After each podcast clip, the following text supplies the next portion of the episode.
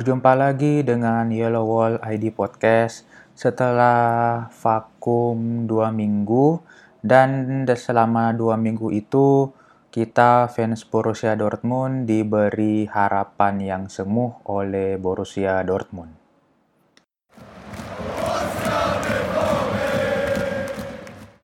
Jadi selama Yellow Wall ID Podcast dua minggu karena alasan ya pekerjaan yang sangat sibuk sehingga memang tidak memungkinkan untuk melakukan tag. Uh, selama dua minggu ini ada lima pertandingan yang sangat penting dan krusial bagi Borussia Dortmund dan uh, bisa dibilang selama lima pertandingan ini kita sebagai fans seperti diberi harapan yang pada awalnya seperti memberikan tanda-tanda kebangkitan, namun pada akhirnya kita harus kembali berpijak ke bumi karena memang sepertinya Borussia Dortmund belum bisa berbicara banyak di hadapan tim sebesar Bayern Munchen di Bundesliga. Jadi eh, pada pertandingan pertama yang uh, tidak sempat uh, tercover dua minggu dua minggu lalu yaitu ada Revier Derby Borussia Dortmund melawan Schalke di Veltins Arena. Uh, singkat aja pertandingan ini berakhir dengan kosong kosong. Uh, Borussia Dortmund sangat amat beruntung tidak kalah pada pertandingan kali ini karena bisa dibilang 95% dalam pertandingan Borussia Dortmund didominasi oleh Schalke. Bahkan uh, Borussia Dortmund cuma bisa mendominasi pertandingan pada 5 menit akhir uh, babak kedua sebelum pertandingan usai. Bahkan Borussia Dortmund pun harus bisa dibilang dibantu oleh VAR karena ada kontroversi saat uh, bola mengenai tangan Torgan Hazard di kotak penalti saat babak kedua. Bahkan e, beberapa finishing pemain dari Schalke pun itu cukup mengherankan kenapa tidak bisa gol. Padahal sebelumnya itu adalah peluang yang bisa dibilang 70 sampai 80% itu harusnya bisa mencetak gol. Nah, pasca pertandingan ini puncak-puncak Lucien Favre yang bakalan digoyang bahkan puncak uh, tagar Favre out itu semakin memuncak pasca hasil ini.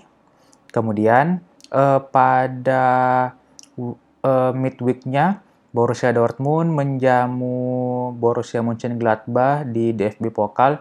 Ini merupakan partai ulangan dari uh, saat dua, ming, dua pekan sebelumnya saat Borussia Dortmund mengalahkan Mönchengladbach di Signal Iduna Park 1-0 di pertandingan kali ini Borussia Dortmund juga kembali memenangkan pertandingan 2-1 di mana uh, Borussia Dortmund sempat tertinggal lebih dulu melalui Markus Thuram pada menit ke-71 kemudian uh, Julian Brand menjadi pahlawan bagi Borussia Dortmund dengan mencetak dua gol. Yang perta gol pertama yang menyamakan kedudukan pada menit ke-77 uh, sempat deflect dari pemain dari Mönchengladbach. Kemudian menit ke-80 si Julian Brand bisa mencetak gol yang membalikkan kedudukan melalui sundulannya. Sebenarnya bisa dibilang permainan ini pada pertandingan kali ini itu cenderung 50-50. Bahkan ada beberapa momen sebenarnya Borussia Mönchengladbach eh, mendominasi permainan Nah, terutama pada babak pertama. Namun ciri khas dari Lucien Favre, Lucien Favre memang uh, setelah babak kedua bahkan setelah tertinggal dari Markus Thuram dia bisa melakukan adjustment sehingga ya terciptalah gol dari Julian Brand. Nah, kemudian pada weekendnya Borussia Dortmund menjamu uh, Wolfsburg. Nah, uh, pada pertandingan ini Borussia Dortmund kita uh, memori dari tahun lalu saat itu Borussia Dortmund bisa menang 2-0 melalui gol dari Paco Alcacer di menit-menit terakhir pertandingan. Nah, pada pertandingan kali ini Borussia Dortmund bisa memenangkan dengan skor yang cukup meyakinkan 3-0. Uh, ini ciri khas pertandingan Borussia Dortmund karena pada babak pertama itu Borussia Dortmund bermain sangat biasa, sangat pasif dan sangat lambat. Bahkan kalau kita lihat ini pertandingan bakalan berakhir dengan kosong-kosong. Namun uh, pada babak kedua sekali lagi Lucien Favre menunjukkan kemampuannya yang sangat baik dan ini merupakan salah satu keunggulan dan ciri khas dari Lucien Favre selama dia memegang Borussia Dortmund. Borussia Dortmund tampil lebih baik pada saat babak kedua.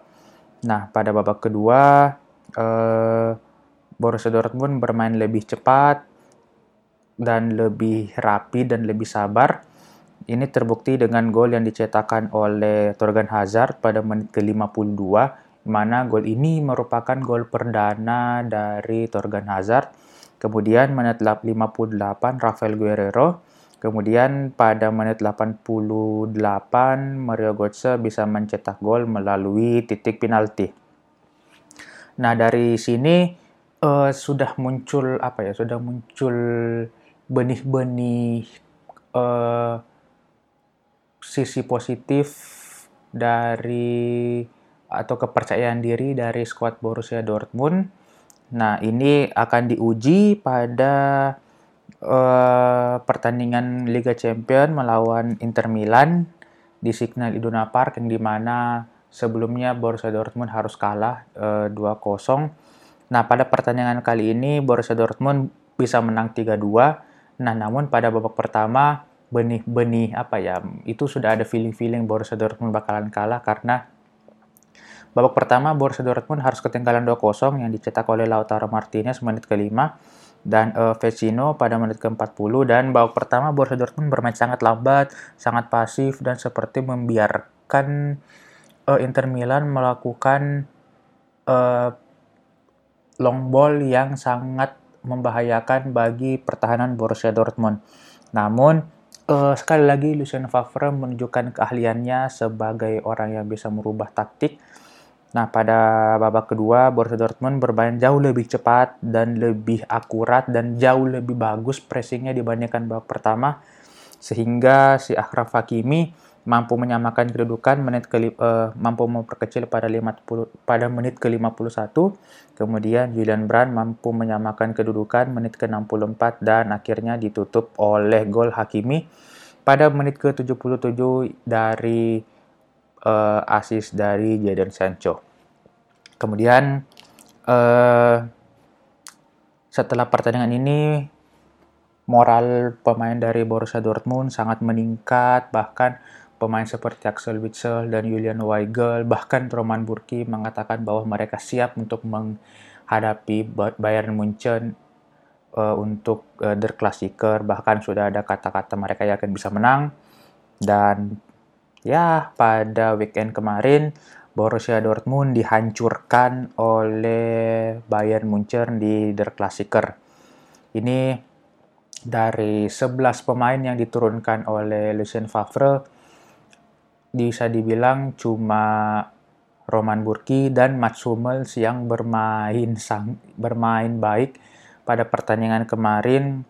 Selebihnya bisa dibilang uh, tidak bermain optimal, bahkan pemain seperti Torgan Hazard seperti berlari mengejar bayangan.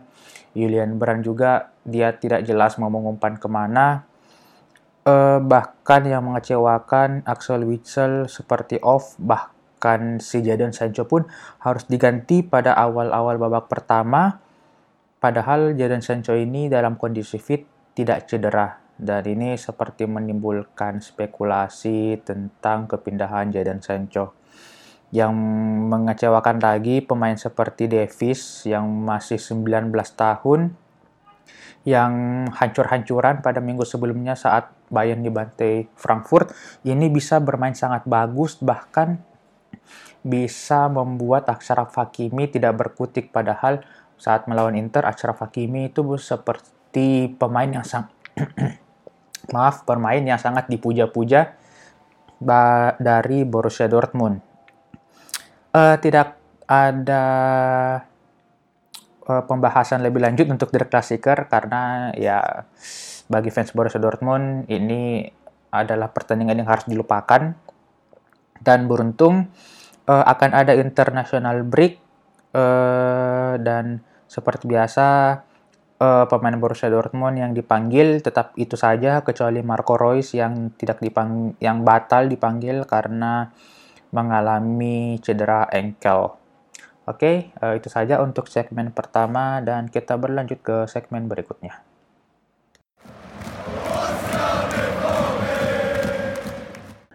Oke, jadi pada segmen kali ini mungkin saya tidak akan membawakan berita, namun uh, saya bakalan coba untuk apa ya, untuk uh, mengurai atau ya sedikit menganalisis apa sih yang menyebabkan Borussia Dortmund seperti ini, padahal kita bisa lihat musim lalu dan uh, pada bursa transfer Borussia Dortmund adalah tim dengan performa yang sangat meyakinkan, bahkan bisa digadang-gadang calon kuat untuk menjadi Bundesliga saat ini. Namun, eh, pada saat ini Borussia Dortmund harus tertahan di papan tengah. Dan ya bisa dibilang syukur-syukur Borussia Dortmund bisa masuk ke empat besar musim depan.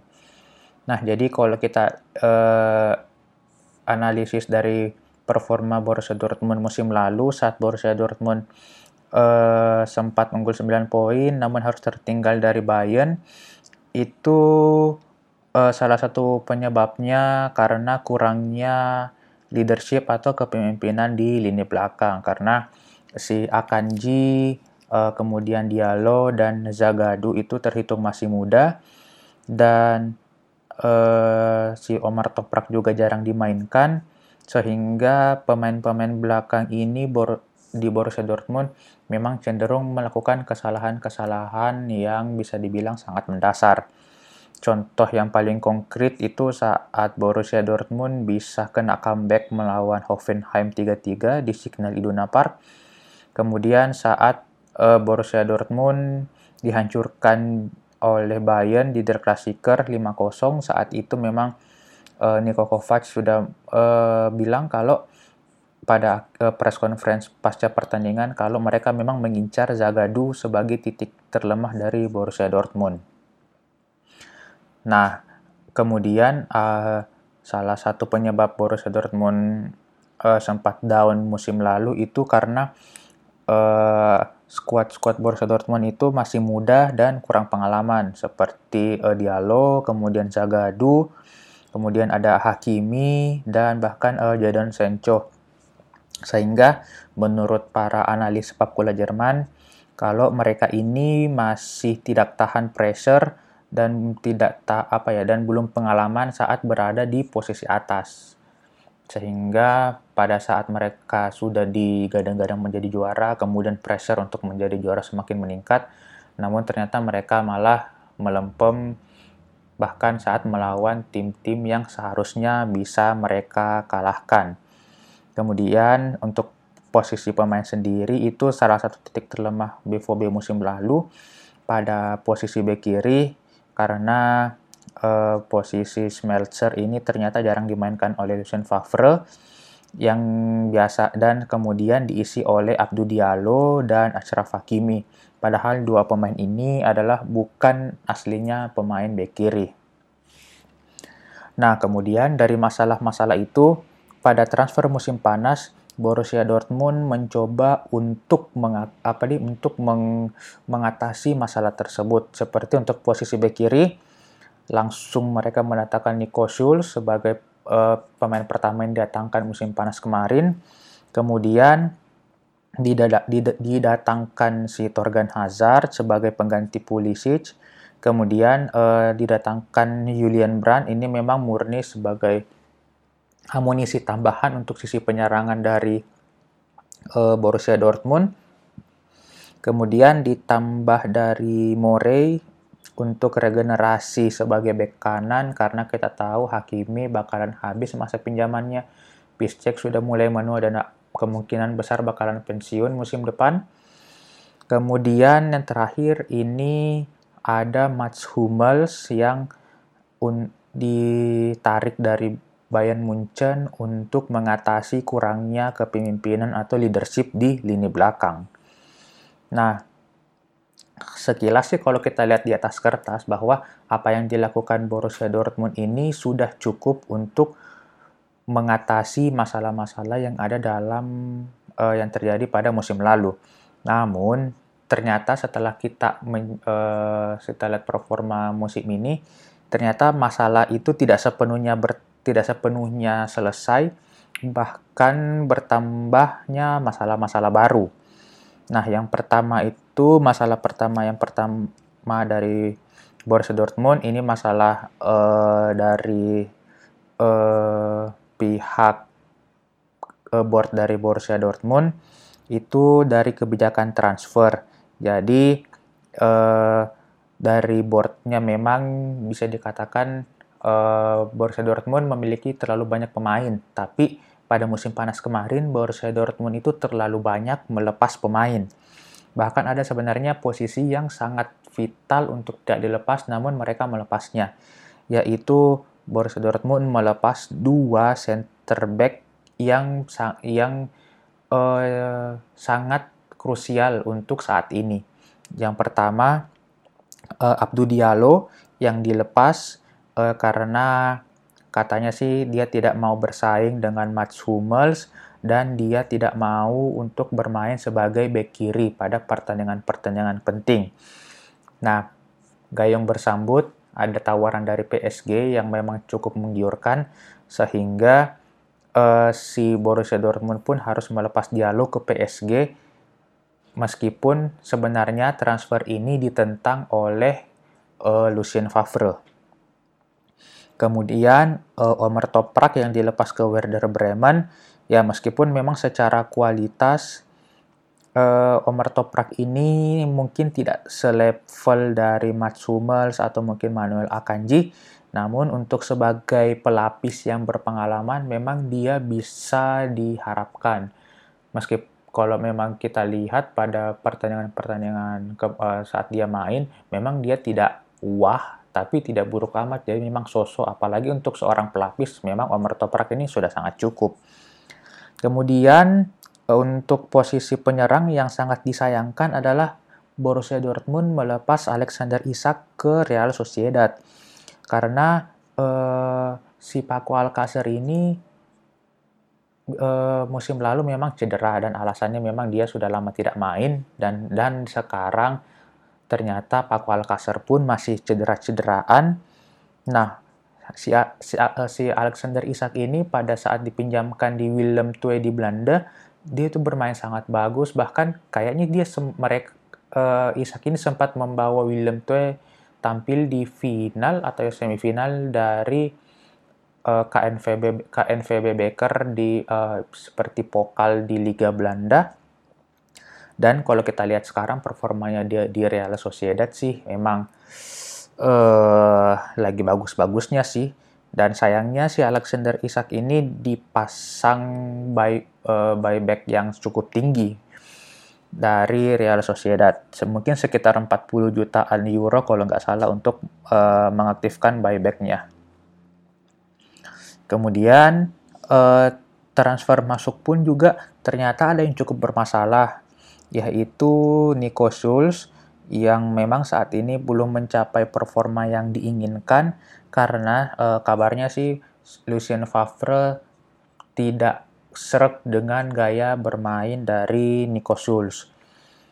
Nah, kalau kita lihat da, uh, kalau misalnya ada yang nonton film dokumenter Borussia Dortmund, Inside Borussia Dortmund dari Prime Video, memang di situ sangat gamblang kelihatan kalau untuk urusan transfer itu memang full dipegang oleh scout dan si Zorc Sedangkan untuk pelatih uh, murni tidak memiliki kuasa untuk transfer dan pelatih hanya mengurusi bagian taktik dari permainan.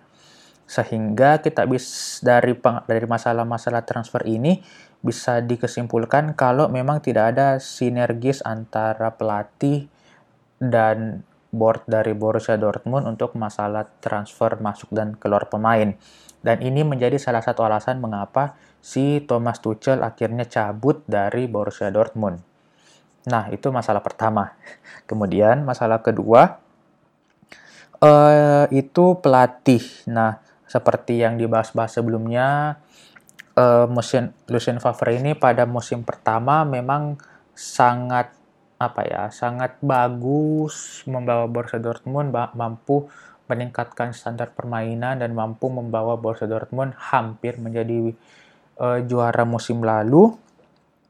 Namun ternyata pada musim keduanya, uh, seperti yang sempat dibahas pada episode-episode sebelumnya, kalau Lucien Favre ini agak menurun pada musim keduanya.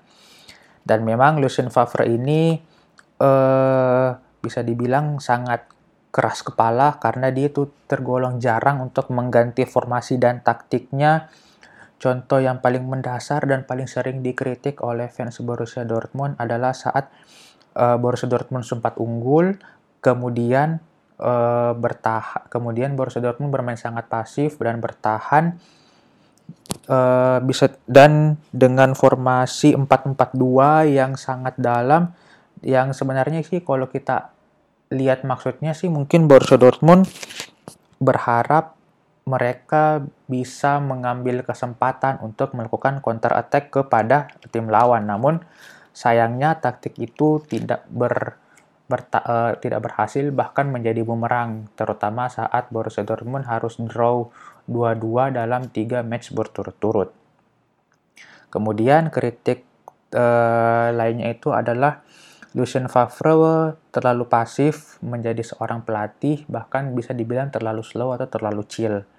Namun uh, beberapa pertandingan terakhir uh, sempat ada perubahan terutama saat melawan Inter yang kita bisa lihat itu Borussia uh, Lucien Favre yang sampai maju melewati garis pinggir lapangan untuk memberikan instruksi sampai dia harus ditegur oleh hakim garis.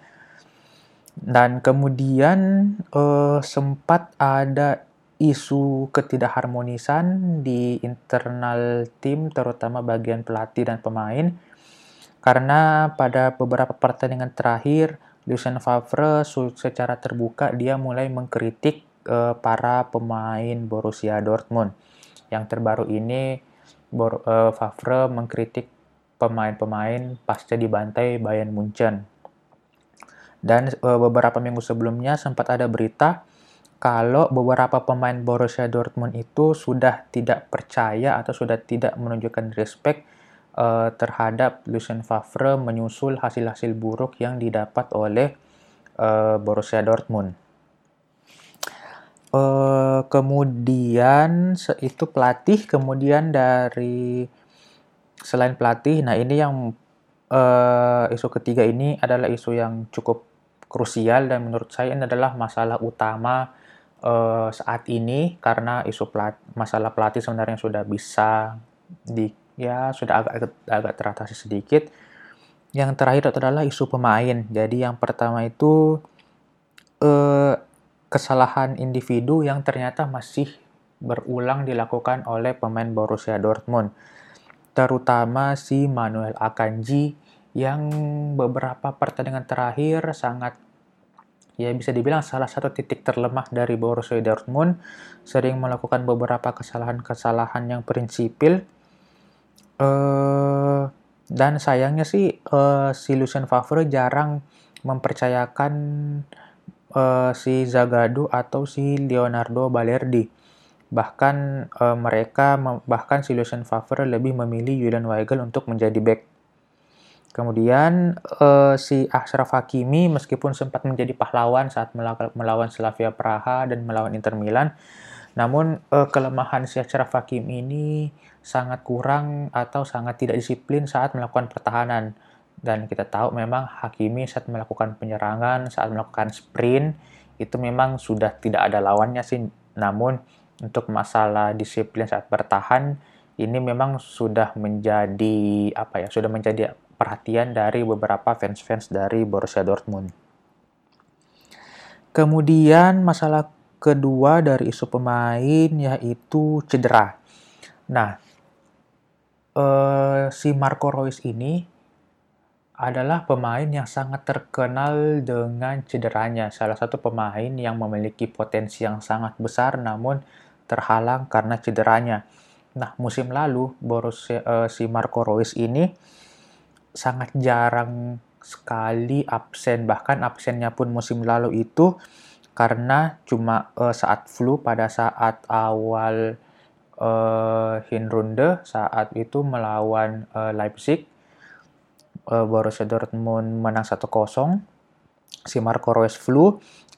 Kemudian saat si Scarlett Gartman melahirkan saat melawan uh, Wolfsburg saat itu BVB menang 2-0 dan terakhir saat Marco Reus mendapatkan kartu merah saat melawan uh, Schalke. Dan nah tidak ada uh, Marco Reus cedera, kalaupun cedera itu cederanya saat internasional break itu pun cedera ringan. Nah, sekarang Borussia Dortmund, sekarang Borussia Dortmund itu harus uh, sering kehilangan Marco Reus pada musim ini dan cederanya pun kurang lebih satu bulan. Yang yang pertama itu sempat cedera hamstring dan sekarang pun Marco Reus cedera ankle dan sampai harus dicoret dari timnas. Kemudian selain Marco Reus ada juga si Paco Alcacer yang cederanya lebih lama dari Marco Reus. Padahal eh, awal musim beberapa statement mengatakan kalau Paco Alcacer ini sudah sampai ke kebugaran terbaiknya saat masih di Valencia. Namun ternyata eh, Paco Alcacer masih cedera otot dan saat ini Borussia Dortmund tidak punya penyerang sebagai pelapis karena uh, Götze kita tahu bukan striker murni. Kemudian ada si Jakob Brun Larsen yang sebenarnya di Denmark U21 diplot sebagai striker namun ternyata masih apa ya masih belum fasih untuk posisi ini. Nah, saat ini sih saat ini kita sangat menyesalkan mengapa si Alexander Isak dilepas ke Real Sociedad. Kemudian uh, Axel Witsel meskipun dia tidak cedera namun pada beberapa pertandingan terakhir kita bisa lihat kalau Axel Witsel ini terkesan sangat uh, burnout, sangat kelelahan ya meskipun sempat uh, dia dicadangkan saat melawan Mönchengladbach namun uh, pemain seperti Witsel ini memang kayaknya tidak bisa seperti dulu lagi untuk tampil di semua laga. Kemudian yang menjadi concern saya adalah indisipliner dari Jadon Sancho.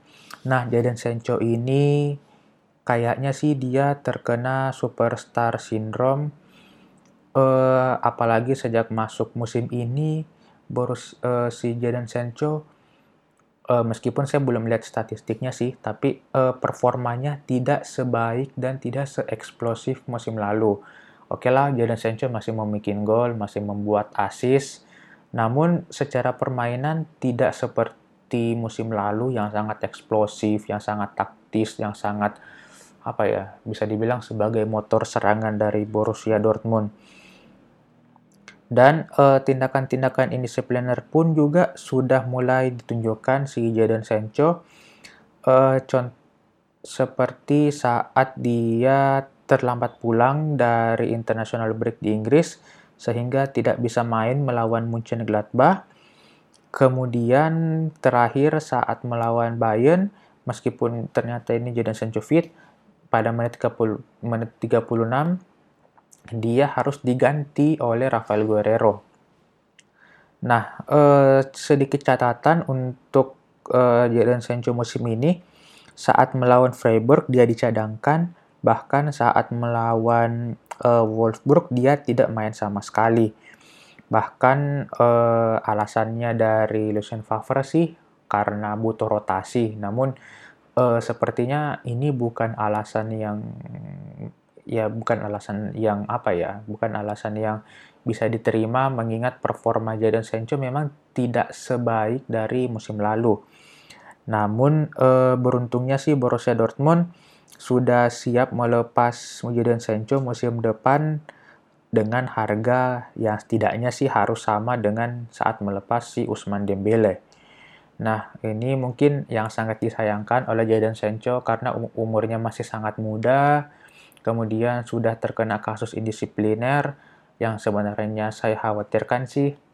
Si Jadon Sancho itu bakalan berakhir seperti Usman Dembele sekarang karena meskipun uh, punya apa ya punya talenta yang sangat bagus bahkan punya material untuk menjadi Ballon d'Or namun uh, tanpa disiplin seperti Lionel Messi atau Cristiano Ronaldo memang sangat sulit uh, bagi pemain muda ini untuk memiliki karir yang sangat bagus di masa depan.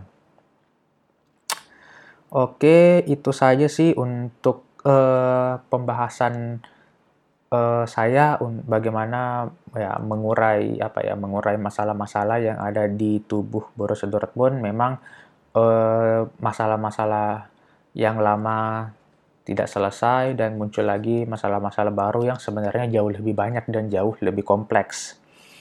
Nah, uh, terakhir ini uh, Aki Watske katanya sih akan membuat meeting dengan Zork, uh, Matthias Sammer dan Sebastian Kell dan uh, sebelum podcast ini direkam uh, ada berita sih kalau uh, Borussia Dortmund akan menambah striker untuk uh, musim dingin nanti.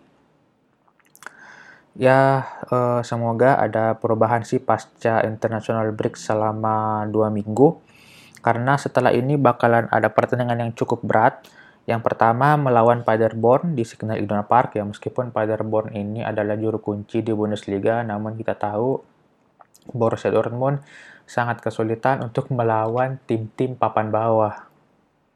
Ya, contohnya saat mereka kalah melawan Union Berlin, bahkan melawan Köln pun Borussia Dortmund sempat uh, tertinggal lebih dulu. Nah, setelah melawan Paderborn, Borussia Dortmund ditunggu oleh Barcelona di Liga Champion. Oke, okay, uh, eh, mungkin itu saja untuk segmen kali ini dan kita lanjut ke segmen terakhir.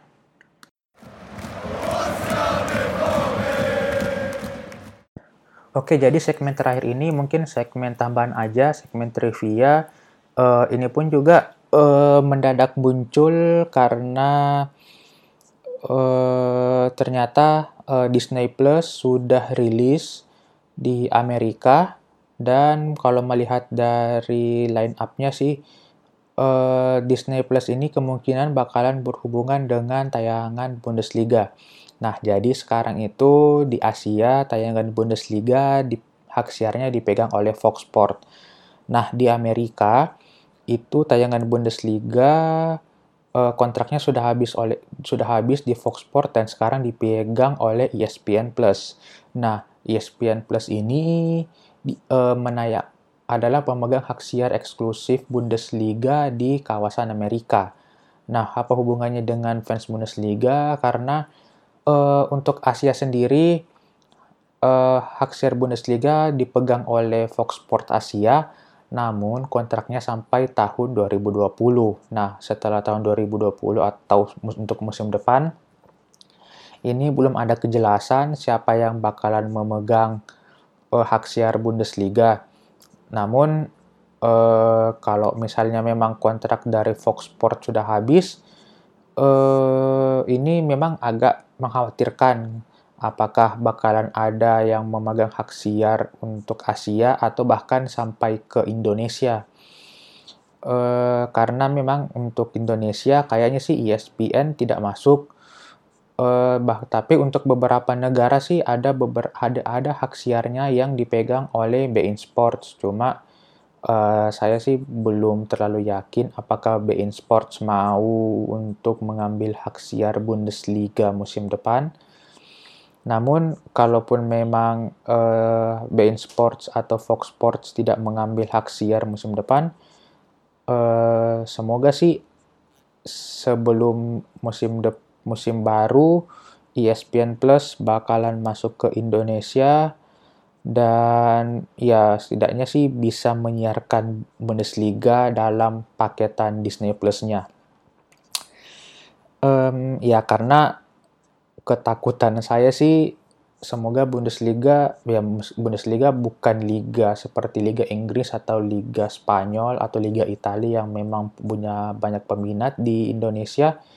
Namun setidaknya bagi kita fans-fans Liga Jerman, fans-fans Bundesliga bisa menikmati tayangan-tayangan Bundesliga uh, untuk musim-musim berikutnya. Apalagi memang uh, Bundesliga pada beberapa musim terakhir sudah apa ya sudah memiliki uh, fanbase atau masa yang cukup ya cukup bisa dibilang cukup banyak sih.